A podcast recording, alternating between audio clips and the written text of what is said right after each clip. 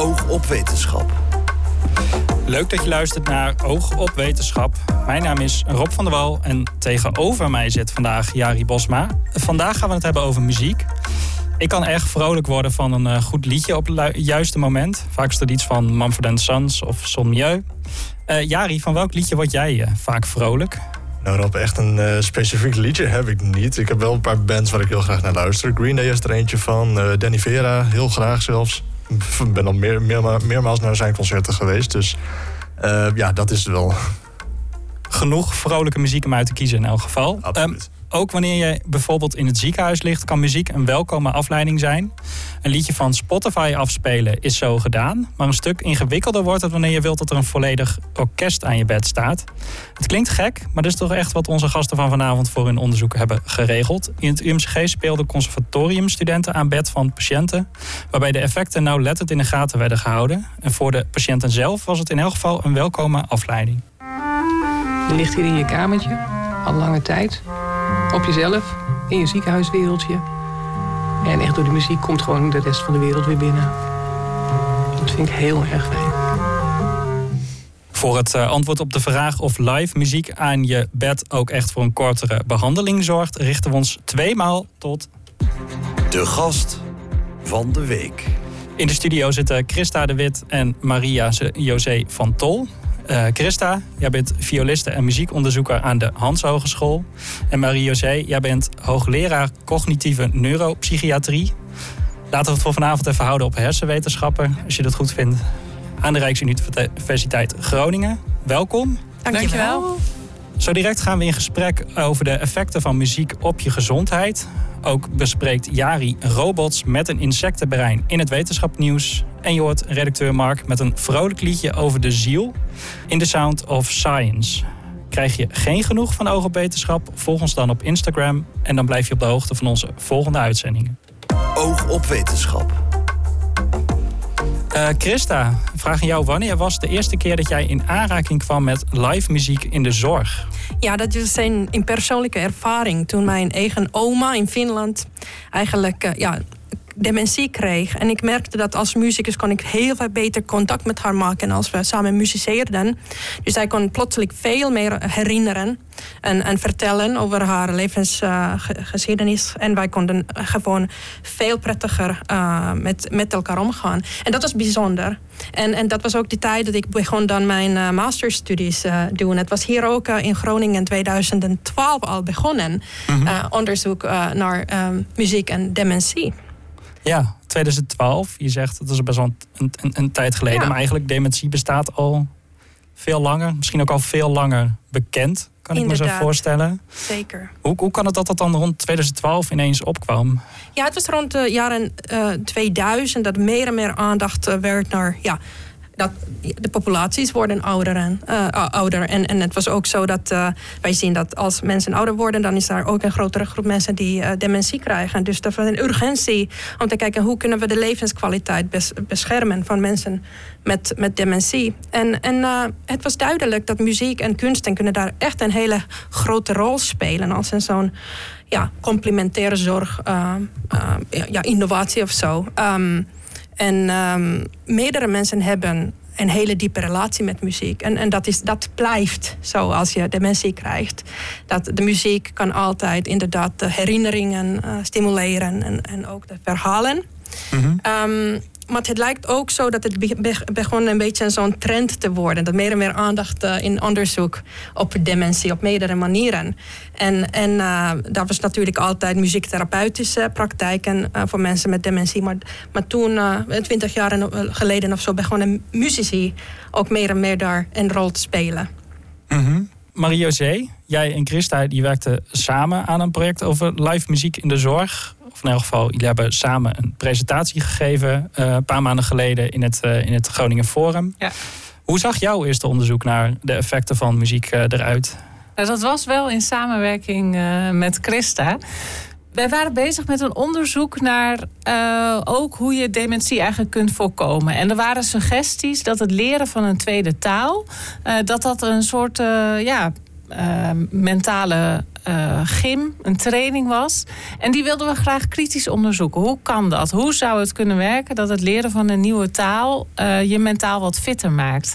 En daarom dachten we, dan moeten we daar ook nog iets anders wat heel rijk is naast zetten. En toen hebben we aan muziek gedacht. En toen hebben we contact gezocht met, uh, met Christa op het conservatorium. En zijn we ouderen gitaar gaan leren spelen. Um, en dat was een heel prettige en leuke ervaring. En nu hang ik altijd graag aan uh, de lippen van Christa als ze vertelt over haar projecten over muziek in de zorg. Ah, precies. En ik begreep ook daar kwam dementie om de hoek uh, kijken. Bij ons onderzoek gingen we om het voorkomen van dementie. Wij deden onderzoek naar uh, het opbouwen van, wij noemen het cognitieve reserve. Je zou dat kunnen zeggen als een soort ja, wat spek op de botten voor als er een dementieproces begint, dat je eigenlijk wat meer in te leveren hebt. En wij mhm. waren op zoek, of zijn op zoek naar manieren om die cognitieve reserve, dus wat je bij te zetten hebt, wat je in te leveren hebt, om dat wat, uh, wat aan te vullen, zodat die dementie wat minder snel grip op je krijgt. En van waar de, de keuze voor dementie? Is dat een makkelijke aandoening om uh, onderzoek mee te beginnen? Of, uh... Nee, zeker niet. Nee, dat kwam eigenlijk uh, doordat ik samenwerkte. Mijn onderzoek gaat voornamelijk over depressie. En ik was in gesprek met taalwetenschapper Merel Keizer, ook hier van de Rijksuniversiteit Groningen. En we hadden het zo over wat ons allebei fascineerde. En dat ging over hoe onze hersenen flexibel kunnen zijn.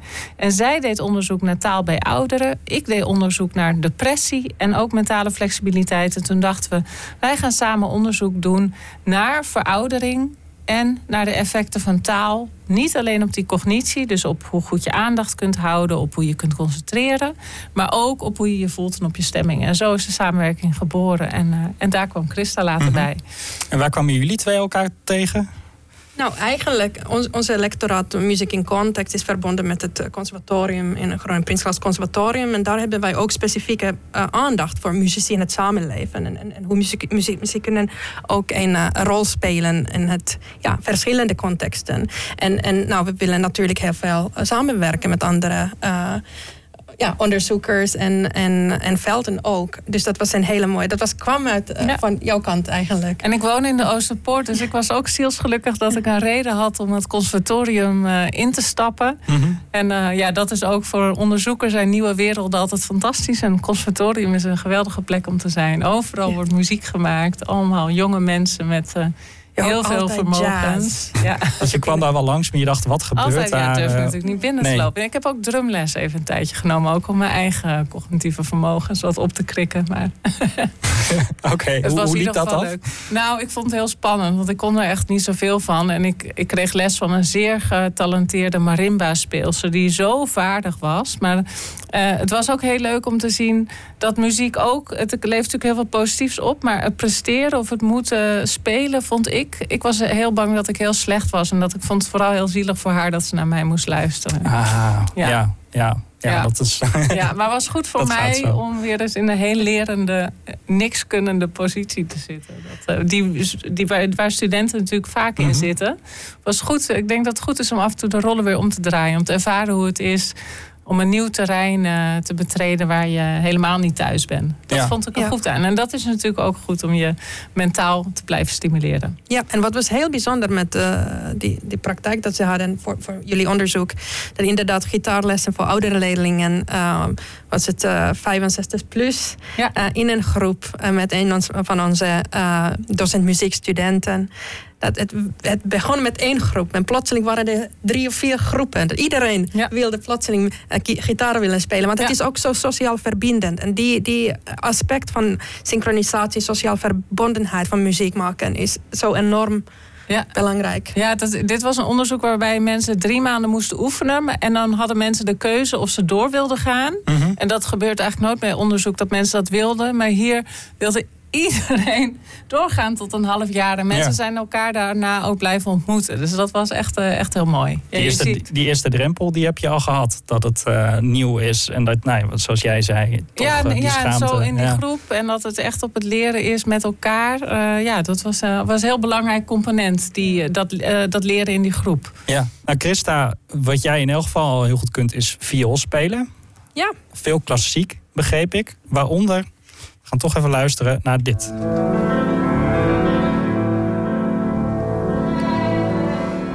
Ja, Christa, wat, uh, wat horen we hier? Herken je het al? Nou, ik denk dat dit ben ik. Speel ik hier. Mm -hmm. Ik denk, ja, dit is Sibelius novelet. Dit is een tijdje geleden. Maar uh, ja, ik... Uh, dit is Finse muziek. Sibelius, Jean Sibelius is onze nationale componist. En ik speel hier zelf. Ik, ik krijg echt eens zo'n gevoel van het spelen. Het is heel Je wilt mee gaan spelen? Ja, of, uh... inderdaad. Ja, ik ben violist uh, oorspronkelijk en, en nu speel ik meestal in zorginstellingen.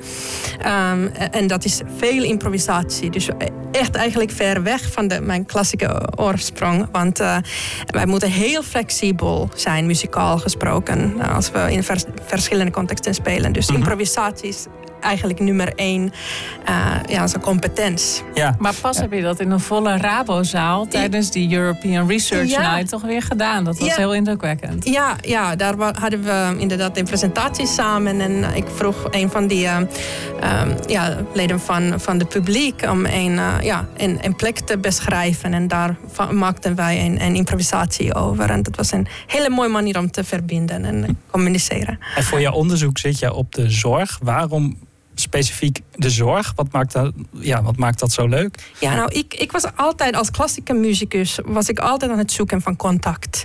En ik ben niet alleen. Er zijn veel uh, collega's van mij die zijn uh, klassiek opgeleid. Die zoeken eigenlijk meer contact met het publiek. Je bent heel ver weg als een klassieke muzikus. Als je het bent in de podium, op het podium te spelen.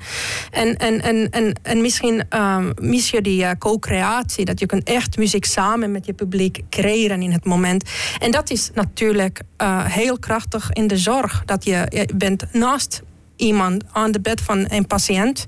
En plotseling is daar de, de, hele intieme manier om muziek te maken. Je bent dichtbij een mens. Mm -hmm. Eén persoon, geen Eén hele persoon. zaal. Ja, niet een hele zaal. Jij bent echt uh, een oogcontact. Um, het, het is natuurlijk ook heel anders. Ja, um, het gaat niet over je excellentie uh, als een artiest. Het gaat over je excellentie als een medemens. Dat, dat je kunt daar echt die, die contact en die andere mens vinden. En dat voor mij is heel diep betekenisvol. En, mm -hmm. en daarom wil ik daar werken. Ja.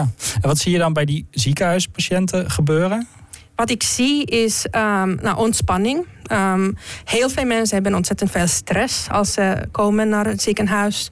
Ze weten niet wat gaat gebeuren. Soms uh, zijn ze hartstikke bang van slechte nieuws. Operatie is altijd eng. Um, en, en ze kunnen ook uh, ja, stress, angst en, en pijn uh, ervaren. En wat wij zien is, is daar is een vermindering van pijn voor mm -hmm. mensen um, uh, direct na de muziek, maar ook nog steeds drie uh, uur later. Dit was gemeten door onze uh, partners, het NCG. Oké, okay, wat, wat, wat meten ze dan? Um, ja, het is gewoon ja, zelf gerapporteerde niveau van pijn. Mm -hmm. En daar was een controlegroep en dan de groep die muziek kregen.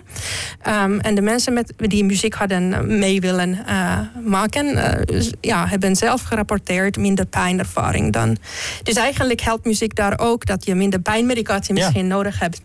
Um, maar maar de, de, belangrijkste is eigenlijk die opening. Dat je wordt meer emotioneel open. Je kunt een beetje um, ja, een andere tools krijgen voor het begrijpen van de situatie. Dat, het is heftig. Je bent in een heftige situatie en je hebt echt zo'n verbinding nodig met wie je bent buiten ja, het ziekenhuis, context in ziekenhuiskamer en de patiënt te zijn. Mm -hmm. En ja, daar kunnen we dan gewoon ja, die menselijke, gewoon interpersoonlijke en ja, creatieve processen faciliteren. Ja.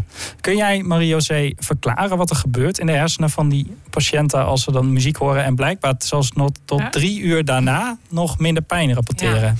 Ja. Als, als, ik vind het altijd. Ja, ik bezoek jou af en toe en dan vraag ik, ja, dan vertel jij en dan luister ik de hele tijd maar alles wat ze zegt. Welk proces zou dit kunnen zijn? Welk systeem zit daaronder? Omdat, want je vertelt zoveel. Aan de ene kant, ja, muziek doet heel veel. Muziek kan ook verbinding geven, herkenning, zoals je zegt daar ook wat uh, uh, stress verminderen, omdat je wat minder nou, op het angstige toekomstige bent. Er is een, eh, een, soms een positieve associatie. Je speelt natuurlijk altijd iets wat mensen of mooi vinden. Of op een. Uh, nou, je zal geen hele zware depressieve stukken spelen. Dus waar mensen hebben ook weer wat meer positieve gevoelens. Terwijl ze in zo'n angstig register zaten. Dus ze, verleggen hun aandacht ook van de pijn en het negatieve wat gaat komen. Of waar ze bang voor zijn.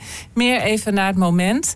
Ja, en dat kan al uh, inderdaad de ervaring van het pijn. Of het kan misschien een soort ook buffer geven tegen die pijnervaring. Maar het liefst zou ik natuurlijk uh, erbij zijn om te onderzoeken en te kijken wat gebeurt er in die hersenen. Maar alleen al het even niet denken aan de situatie kan al helpen. Ja, als je, de, als je um, pijn verwacht en je zegt we gaan je nu een pijnprikkel geven en die gaat komen, dan ben je ook al de hele tijd gespannen. Ja. En dan ervaar je die pijn. Terwijl als je afgeleid bent, dat zie je ook wel. heb misschien wel eens leuke filmpjes gezien bij uh, kinderartsen die gaan vaccineren bij kinderen als het met een mhm. spelletje is. Ja, en hop, dan zien ze het niet en dan voel je de pijn eigenlijk ook niet. Dus als je ook afgeleid bent, dan kan dat ook die pijnervaring uh, verminderen. Nee, nu begrijp ik uh, dat inderdaad. Christa, hoe is het dan voor die studenten om te spelen in een ziekenhuis? Want dat doen ze normaal gesproken ook niet nee, zo vaak. Nee, um, zij moeten heel goed opgeleid worden. Dus in het uh, conservatorium, en niet alleen in Prins Klaus Conservatorium hier in Groningen, maar ook uh, in Den Haag en Utrecht uh, hebben we nu trainings voor muzici die willen in, in de ja, zorgcontexten spelen.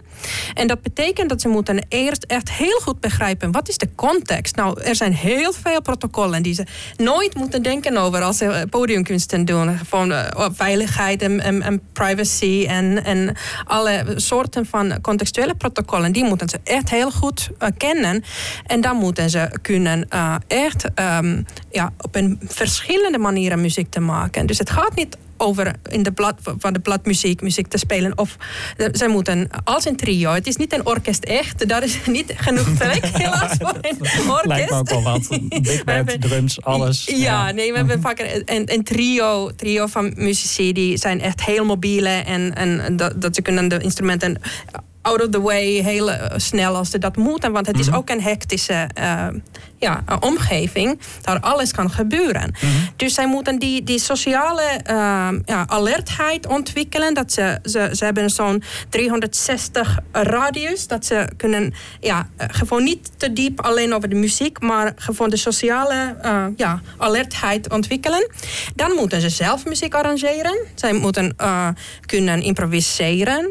heel goed samen spelen. En dan ook die um, ja, sociale facilitatie. Nou, hoe introduceer je jezelf? En, en dat hier ben ik voor je. En, en voor muziek.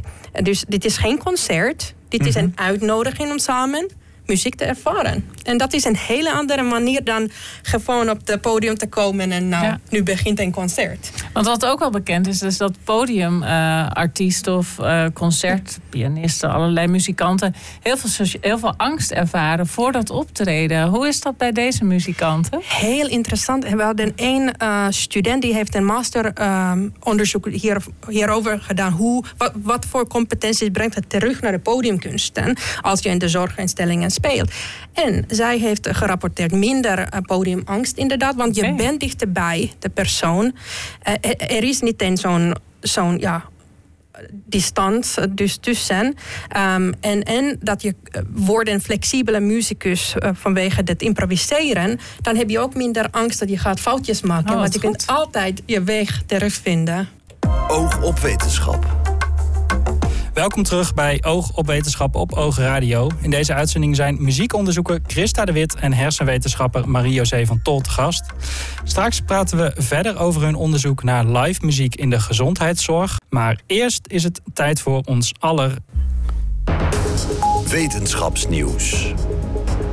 Zo, opvallend wetenschapsnieuws. Jari, wat heb je allemaal voor ons meegenomen? Als eerste, heb je er eigenlijk ooit wel bij stilgestaan dat we duurzame energie kunnen opwekken uit het water van de Waddenzee? Weet jij dat erop? Um, nou, voordat ik dit bericht uh, las, niet. Nee. Nee, nee. nee. Uh, wetenschappers van onderzoekers, onderzoeksinstituut TNO in ieder geval wel. Uh, sterker nog, volgens hen is dit binnen zes jaar al mogelijk. Het gaat hier om het opwekken van energie uit golfslag, uit getijdenwerking en uit het mengen van zout en zoetwater. Details zal ik jullie besparen, want anders zitten we hier over drie uur nacht waarschijnlijk. Uh, maar het lijkt in ieder geval met de genoemde technieken haalbaar om in 2030 zo'n 83% van de Waddeneilanden van elektriciteit te voorzien. Net als 8% van het Waddenkustgebied. Dus Groningen, Friesland en Noord-Holland. Um, er zitten nog wel een paar haken en ogen aan deze projecten. De techniek is voorlopig nog vrij duur en er moet ook nog voldoende ruimte op het elektriciteitsnet uh, beschikbaar zijn. En ook moet het effect op de natuur nog worden onderzocht, want de technieken mogen niet ten, koste gaan van het cultureel erfgoed. Het Waddenfonds heeft echter vertrouwen dat verder opschalen mogelijk is. Dan een robotje dat zich gedraagt als een insect. Uh, twee uh, twee onderzoekers van de Rijksuniversiteit bouwden er een. Daarmee onderzochten ze hoe insecten met een klein brein, uh, een brein zo groot als een speldenknop eigenlijk, hoe, hoe die insecten zo goed kunnen navigeren. Insecten navigeren effectief, ondanks hun beperkte hersencapaciteit, maar hebben moeite met bochten. Uh, ze passen hun gedrag aan door de route in rechte stukken te verdelen, wat optimaal gebruikt kan worden uh, door hun kleine brein. Is dat jij wel eens opgevallen dat insecten moeite hebben met bochten? Um, nou ja, vliegen die vliegen het altijd tegen je aan als je op de fiets zit. Dus het verbaast me niks. Nee, nee, oké. Ja, ik ben hier nou eigenlijk nog wel verbaasder over dan over dat zeewater ja. uh, energie opwekken. Ja. Maar, uh... ja, en, en ze, ze, blijven ook altijd tegen de ramen aantikken. Dus uh, dat, Okay, het, het verbaast me niet helemaal. Okay. In ieder geval, wetenschappers die bouwden dus een robot met daarin het, een model van de hersenactiviteit van insecten. De robot vertoonde daardoor vergelijkbaar gedrag als insecten in verschillende omgevingen. Zo kon het, het robotje zich keurig in het midden van een rechte gang voortbewegen. De onderzoekers bekijken met de robot hoe insecten efficiënt kunnen navigeren ondanks hun kleine brein. En met dit onderzoek willen ze deze efficiëntie integreren, dus toepassen, in energiezuinige computerchips. Ze willen chips ontwikkelen die direct en eenvoudig één taak kunnen uitvoeren. Iets wat ze nu nog niet zonder uh, invoer van ons mensen kunnen. Uh, en hierdoor kunnen de chips uiteindelijk kleiner en zuiniger worden. Dan nog iets wat niet direct wetenschappelijk is, maar wel minstens net zo interessant. Um, in het Groningse dorp Ten Post hebben archeologen een ondergrondse ruimte ontdekt. De ruimte werd maandag gevonden tijdens archeologisch onderzoek bij een woning die wordt gesloopt en herbouwd vanwege aardbevingsschade. In eerste instantie leek het om een waterput te gaan, maar toen de archeologen dieper groeven, bleek het om een ruimte van ongeveer 2 bij 2 meter te gaan. De ruimte zat op het moment van publicatie nog wel vol met modder. Dus over de echte oorsprong van uh, de ruimte was nog niet heel veel te zeggen. Als de modder uit, de ondergrondse, uit het ondergrondse hol is verwijderd, hopen de archeologen aanwijzingen te vinden over de oorsprong van de ruimte. Vermoedend zijn er al wel. De archeologen denken dat het om een ondergrondse plek voor onderduikers gaat. Die stamt uit de Tweede Wereldoorlog. En tot slot nog een heel erg last minute puntje voor de agenda. Vanavond om 8 uur, dus uh, na onze live-uitzending, vindt in Forum Groningen een uh, nieuw kenniscafé plaats. Dit keer gaat het over de nieuwste ontwikkelingen op het gebied van kunstmatige intelligentie, ethische vraagstukken rondom AI-applicaties en waarom het menselijk brein eigenlijk nog veel spectaculairder is dan AI. Dat vinden onze dames waarschijnlijk ook wel interessant.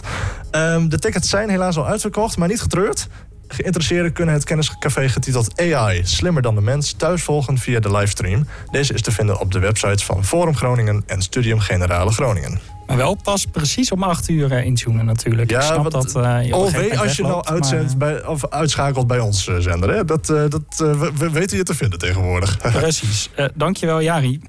Oog op wetenschap. In de studio zijn muziekonderzoeker Christa de Wit en hersenwetenschapper Marie-José van Tol. Zij vertellen over hun onderzoek naar live muziek in de gezondheidszorg. Uh, Marie-José, ik merk zelf dat muziek mij blij maakt. Ik aan het begin van de uitzending al zei, uh, al zei. En soms zelfs wil ik wel dansen. Hoe kan het dat muziek zo'n invloed heeft in je gezondheid, uh, op je gezondheid in het algemeen? Ja, muziek is vaak heel uh, ontspannend. Je associeert het met, ja, met eerder. Je hebt het vaker gehoord. Je kiest iets natuurlijk ook wat je, wat je prettig vindt. Um, en uh, ja, muziek is ook uh, aandacht trekkend. Er zijn natuurlijk uh, melodietjes en herhalingen die je prettig vindt. En juist omdat je eigenlijk de muziek al kent, dat weet je wel vaak. Eh, als je een CD luistert, dan weet je aan het eind van het ene nummer al wat het volgende nummer is. En ineens hoor je dat vast in je hoofd. Mhm. Eigenlijk gebeurt dat de hele tijd in muziek, dat je een voorspelling maakt over wat er komt. En als je de muziek al een beetje kent en niet al te vaak luistert, dan uh, maak je die voorspelling en die komt uit. En dat is eigenlijk een soort uh, klein cadeau. Dat is heel prettig als je, als je het kunt voorspellen. Dus daar, daardoor levert het vaak heel positieve uh, gevoelens op. En ook is muziek soms, als je verdrietig bent en de muziek is ook verdrietig, dan kan het een herkenning opleveren die je ook associeert met uh, met een bepaalde geborgenheid. Dus het kan ook troost bieden. Hoewel je misschien ook wat verdrietig van wordt, kan het juist omdat het past bij je huidige gevoel ook uh, zorgen dat je wat minder eenzaam voelt. Ja, je hebt ook onderzoek gedaan naar depressies en muziek. Um, wat voor effect heeft muziek in, in dat geval? Ja, ik, bij de uh, depressie hebben wij dus vooral gekeken als oudere mensen die ook vatbaar zijn voor nou, wat vergeetachtigheid. Die hebben ook vaak wat, eh, wat depressieve uh, klachten of uh, meer kans daarop. Daar hebben we um, gevonden dat het, het leren van muziek um, of het leren van een nieuwe taal geen hele grote effecten op had. Maar wat we uit andere studies wel weten, is dat uh, muziek ook een, een effectieve therapie kan zijn om depressief te zijn. Dus als je depressief bent, dan zijn er ook muziektherapeuten die met muziek werken om jou um, nou, weer de muziek te laten ervaren, zelf uh, iets te produceren, te experimenteren. Bij een depressie ben je vaak ook heel teruggetrokken, doe je eigenlijk geen nieuwe dingen meer. En met muziek, doordat het en heel iets prettigs, altijd iets moois oplevert. Mm Vooral als je schitterende muziek als uh, instrument als bijvoorbeeld een marimba gebruikt. Dan, dan kom je eigenlijk een stukje bij beetje, durf je weer een beetje de wereld in te gaan. Dus daarmee kan muziek uh, daar heel erg, erg toe uitnodigen. Dus op die manier wordt het ook gebruikt. Um, en ook kan muziek gewoon het luisteren ernaar een positief effect hebben op je stemming. Dus er zijn uh, um, positieve effecten bekend. Ja, nou dat is mooi. Um, nou vraag ik me af, kun je dat ook een stap verder voeren? Kun jij ook zeggen, dat is een vraag aan jullie beiden... als ik met een ontstoken blinde darm in het ziekenhuis lig... kan die live muziek dan ook zorgen voor een snellere lichamelijke genezing? Ik zou zeggen dat het kan. Als je uh, minder gestrest raakt door de muziek, dan uh, gaan er ook biologische processen in je, in je lichaam wat uh, kalmeren.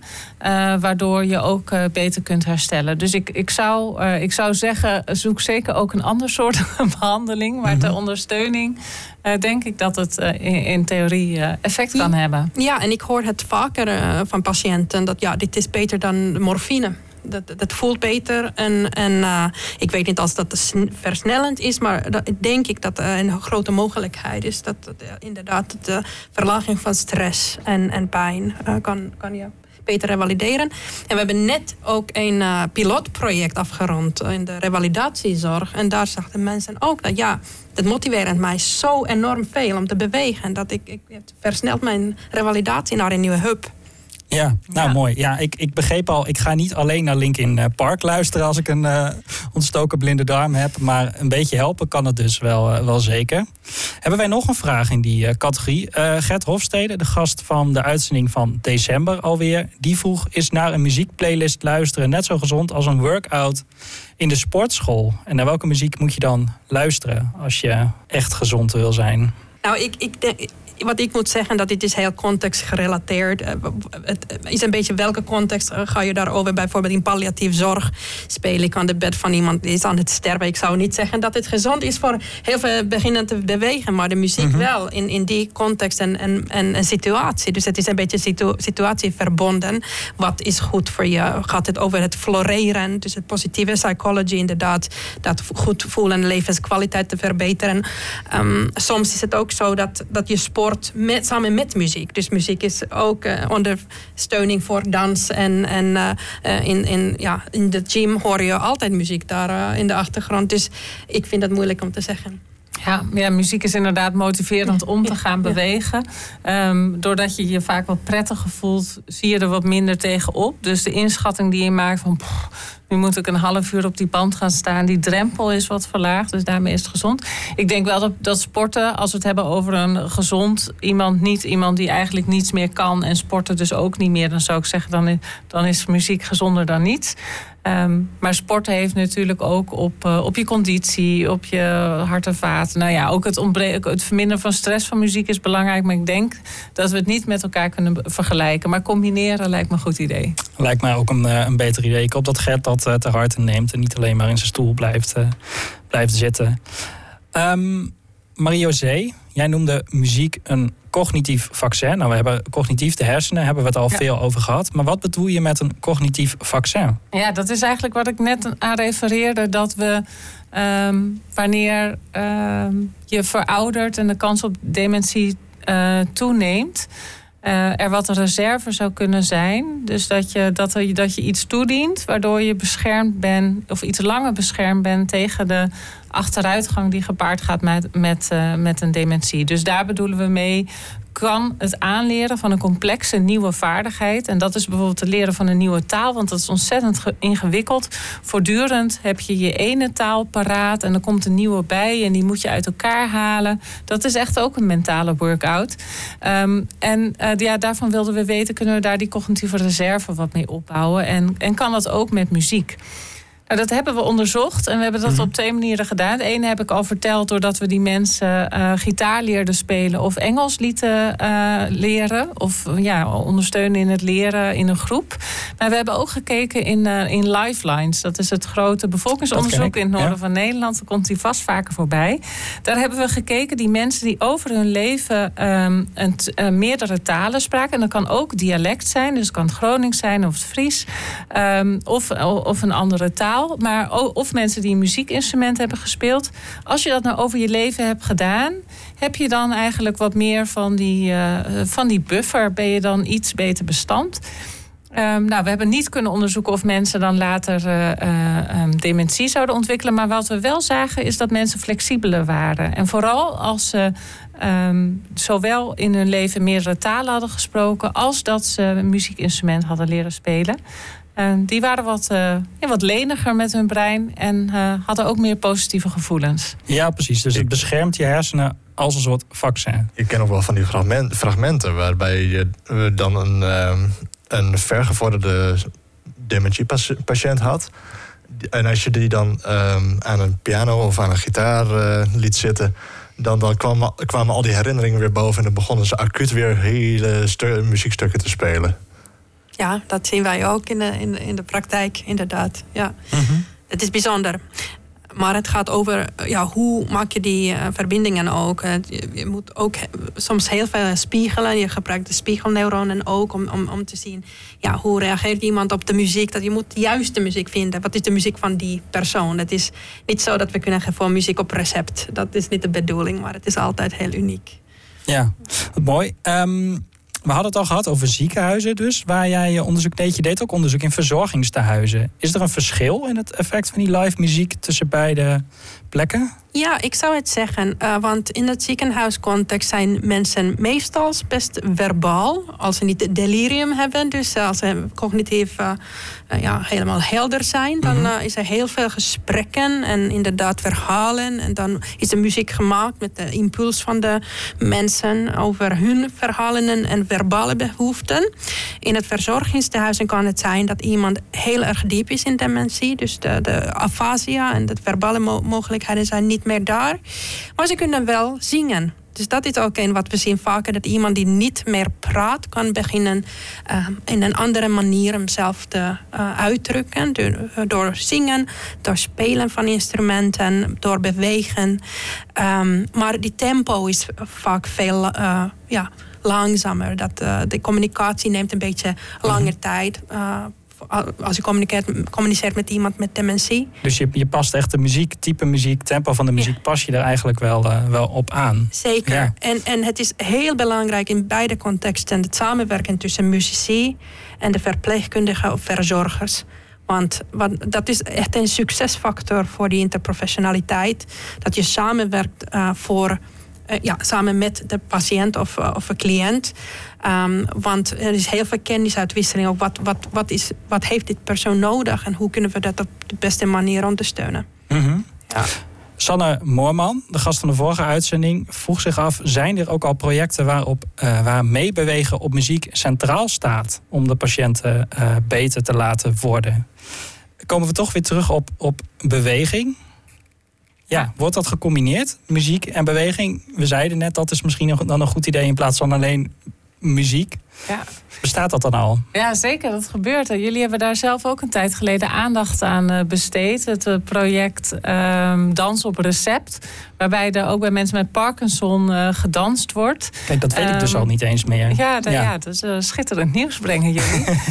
um, maar ook, ja, daar, wordt ook gekeken naar kan dans. En ook door de muziek, maar ook de combinatie met het bewegen... positieve effecten hebben op, uh, op hoe mensen zich voelen. Maar ook op, op hun om um, nou ja, goed na te kunnen denken en dingen te onthouden. Um, het is wel grappig om te zien, dit soort onderzoek wordt heel veel vanuit Australië gedaan. Er wordt ook onderzoek gedaan naar het effect van tango versus, uh, ja, ja, ja, versus mindfulness. Dus daar zie je ook wel weer hoe belangrijk het is dat wetenschappers overal ter wereld met elkaar samenwerken en uitwisselen, want zo doen we inspiratie op. Maar ook tango heeft uh, ten opzichte van mindfulness voor het behandelen van depressie uh, ook positieve effecten op zowel de depressie als de angst en hoe mensen zich voelen in het dagelijks leven. Uh, en dat is natuurlijk heel schitterend als we verschillende opties voorhanden hebben. Want ja, de ene persoon voelt zich heel erg aangetrokken tot, uh, tot dans. En de andere doet liever iets, uh, iets in zichzelf gekeerd en niet expressief. Dus, nou ja, dus... Kiezen is altijd. Wat zeg je? Kiezen is altijd fijn. Ja, precies. Oog op wetenschap. Welkom terug bij Oog op Wetenschap op Oog Radio. In deze uitzending zijn muziekonderzoeker Christa de Wit en hersenwetenschapper Marie-José van Tol te gast. Straks praten we verder over hun onderzoek naar live muziek in de gezondheidszorg. We gaan het onder andere nog hebben over de prijzen die ze voor hun onderzoek al hebben gewonnen. Maar eerst is het tijd voor.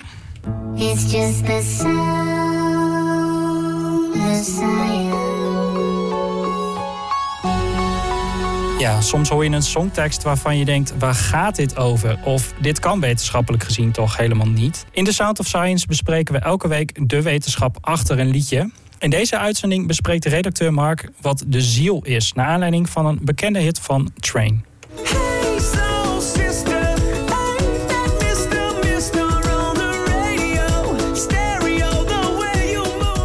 Vrolijke nummer met die ukulele, dat kan alleen maar Hey Sister van Train zijn.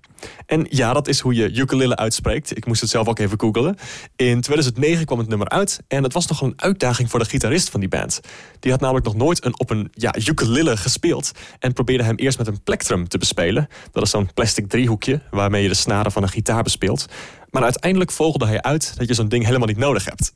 Uiteindelijk was het precies dit instrument dat het liedje een eigen ziel gaf en daardoor de toon kreeg waar de zanger naar op zoek was. En je mag gerust zeggen dat het gewerkt heeft, want het is nog steeds een van de populairste nummers van Train. Het nummer heeft een aantal zinnen die over het brein en gedachten gaan, zoals Your lipstick stains on the front lobe of my left side brains en I'm so glad you have a one-track mind like me. En de term soul sister is een variatie op soulmate, oftewel iemand die perfect bij je past. Het is een bijzonder idee dat je partner een ziel heeft die goed aansluit op je eigen ziel. Want bestaat zoiets als de ziel wel? En waar zit die in je brein? Toevallig in de front lobe of de left side brain, zoals Train beschrijft in het liedje?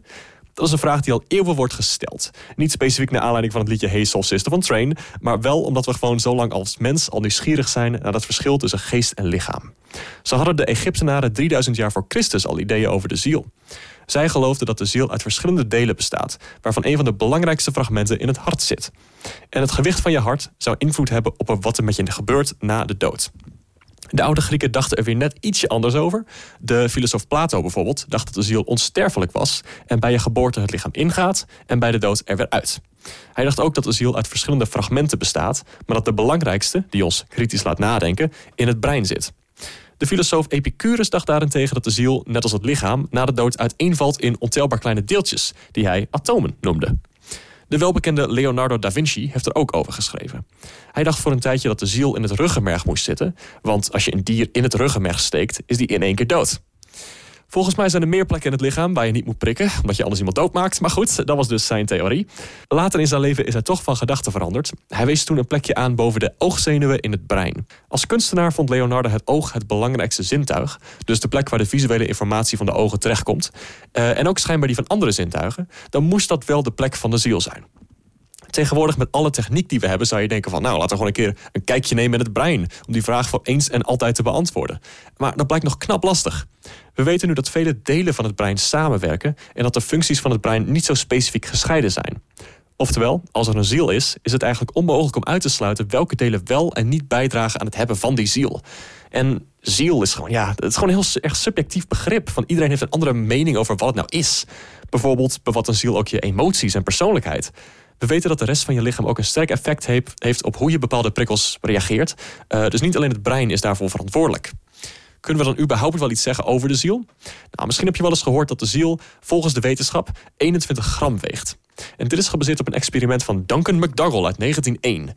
Hij zou een aantal mensen hebben gewogen vlak voor en na hun dood. En het verschil zou dus precies 21 gram moeten zijn.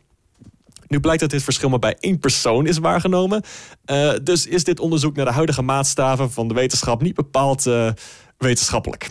Hij zou mogelijk ook 15 honden hebben vergiftigd om bij hen aan te tonen dat die dieren geen ziel hebben. Ik denk niet dat deze man ooit in aanmerking nog komt voor een Nobelprijs. De zoektocht naar de ziel gaat dus door, uh, net als iedereen zoektocht naar hun soulmate. Misschien krijg je inspiratie door het fijne nummer van Train. En, niet vergeten, om dit in je brein op te slaan, je spreekt het dus uit als ukulele.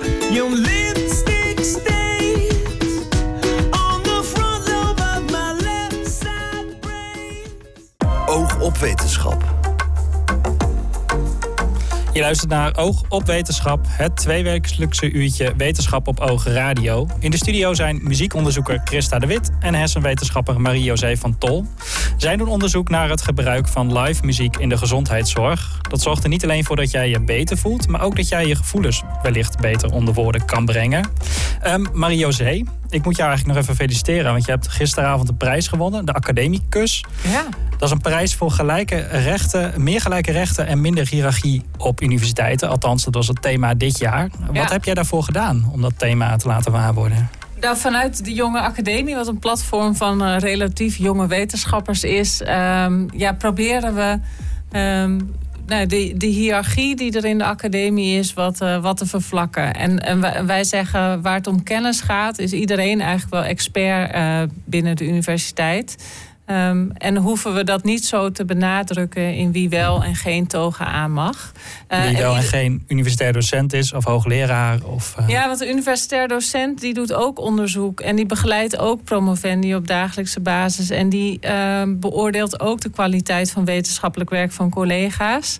Uh, en zelfs vaak is het zo dat universitair docenten ook hun promovendi het hele traject begeleid hebben en een project verzonnen hebben. Maar dan puntje bij paaltje bij de promotie moet er dan toch een hoogleraar bij komen die de eer dan heeft om die titel uh, uit te geven. En dat vinden ook hoogleraren vaak heel ongemakkelijk. En wij zeggen als je dan um, nou, het, het, doet, dan komt -hmm. jou ook de eer toe. En Want daar die hoogleraren, die hoogleraren die hadden eigenlijk in de dagelijkse begeleiding niks met die promovendus te maken. Nee, en dat, dat is voor veel ja. hoogleraren leeft ook heel veel extra werklast op. Dus wij zeggen, als je het werk dan toch doet, waarom mag jij dan niet ook, uh, uh, nou ja, uh, het helemaal doen? Ja, ja, nee, lijkt me niet, uh, niet meer aan terecht. Je moest hem ophalen in Utrecht. Hoe laat was je gisteravond ja, nou, gelukkig thuis? mocht ik online. Maar het is okay. wel zo dat alle ja. dingen in het land uh, voor een Groninger uh, altijd maken... Dat, dat één uur niet raar is om vast thuis te zijn. Precies, maar dit keer was het online, dus was online. je iets eerder klaar. Precies. Ja. Christa, jij kreeg al eerder een prijs. De Herta en Koert Blauwkopf Award voor exponentieel exponentieel, exceptioneel promotieonderzoek. voor je onderzoek naar muziek en gezondheidszorg. Hoe was het om die prijs uh, te krijgen? Weet je nog wanneer dat was? Ja, nou, dit was uh, 2000. Um 22. Het was uh, bij de uh, Universiteit uh, Muziek en, en Performance Arts in Wenen. Dat was mijn universiteit. En het mm -hmm. was heel mooi, want dat geeft ook aandacht voor deze nieuwe veld, werkveld van muzici. En, en het samenwerken tussen muzici en zorgprofessionals. Dus ik, ik vind het heel mooi dat dat was ook nu een beetje, ja, internationaal zie je ook dat, ja, het gaat gewoon breder en breder worden. die, en, en de connecties gewoon sterker tussen deze ja, Uh, uh, samenwerkingen. Dus dat ja, is heel fijn. Ja. Ja, mooi. En terecht ook, want het was uh, interessant onderzoek en een uh, interessante avond. Christa de Wit, muziekonderzoeker aan de Hans Hogeschool... en Marie-José van Tol, hersenwetenschapper aan de Rijksuniversiteit Groningen. Bedankt dat jullie bij ons aan wilden schuiven. De volgende uitzending van Oog op Wetenschap is op donderdagavond 29 februari. Dan is hoogleraar marketing Jenny van Doorn te gast. Zij doet onderzoek naar de relatie tussen robots en mensen. Want hoe kunnen we gebruik maken van robots zonder dat ze ons mensen gaan vervangen? Maar vooral, hoe ziet een goede, betrouwbare robot er bijvoorbeeld uit? Christa, jij hebt ook een vraag om aan Jenny te stellen. Wat is jouw vraag? Mijn vraag aan Jenny is... Hoe zou muziek een rol kunnen spelen om de communicatie tussen mensen en robots te faciliteren of verbeteren? Die vraag gaan wij over twee weken aan Jenny stellen. Oog op wetenschap. En daarmee zijn we aan het einde gekomen van deze aflevering. Is de volgende aflevering uh, voor jou te lang wachten? Alle eerdere uitzendingen van Oog op Wetenschap zijn al terug te luisteren op Spotify. We zijn ook heel benieuwd naar wat je van Oog op Wetenschap vindt. Heb je een opmerking, een vraag of misschien wel zelfs een suggestie voor een leuke gast? Laat het ons even weten via Facebook of Instagram. En volg ons ook meteen, want dan blijf je op de hoogte van de volgende uitzendingen en wanneer de nieuwste aflevering op Spotify staat. Voor nu, tot over twee weken.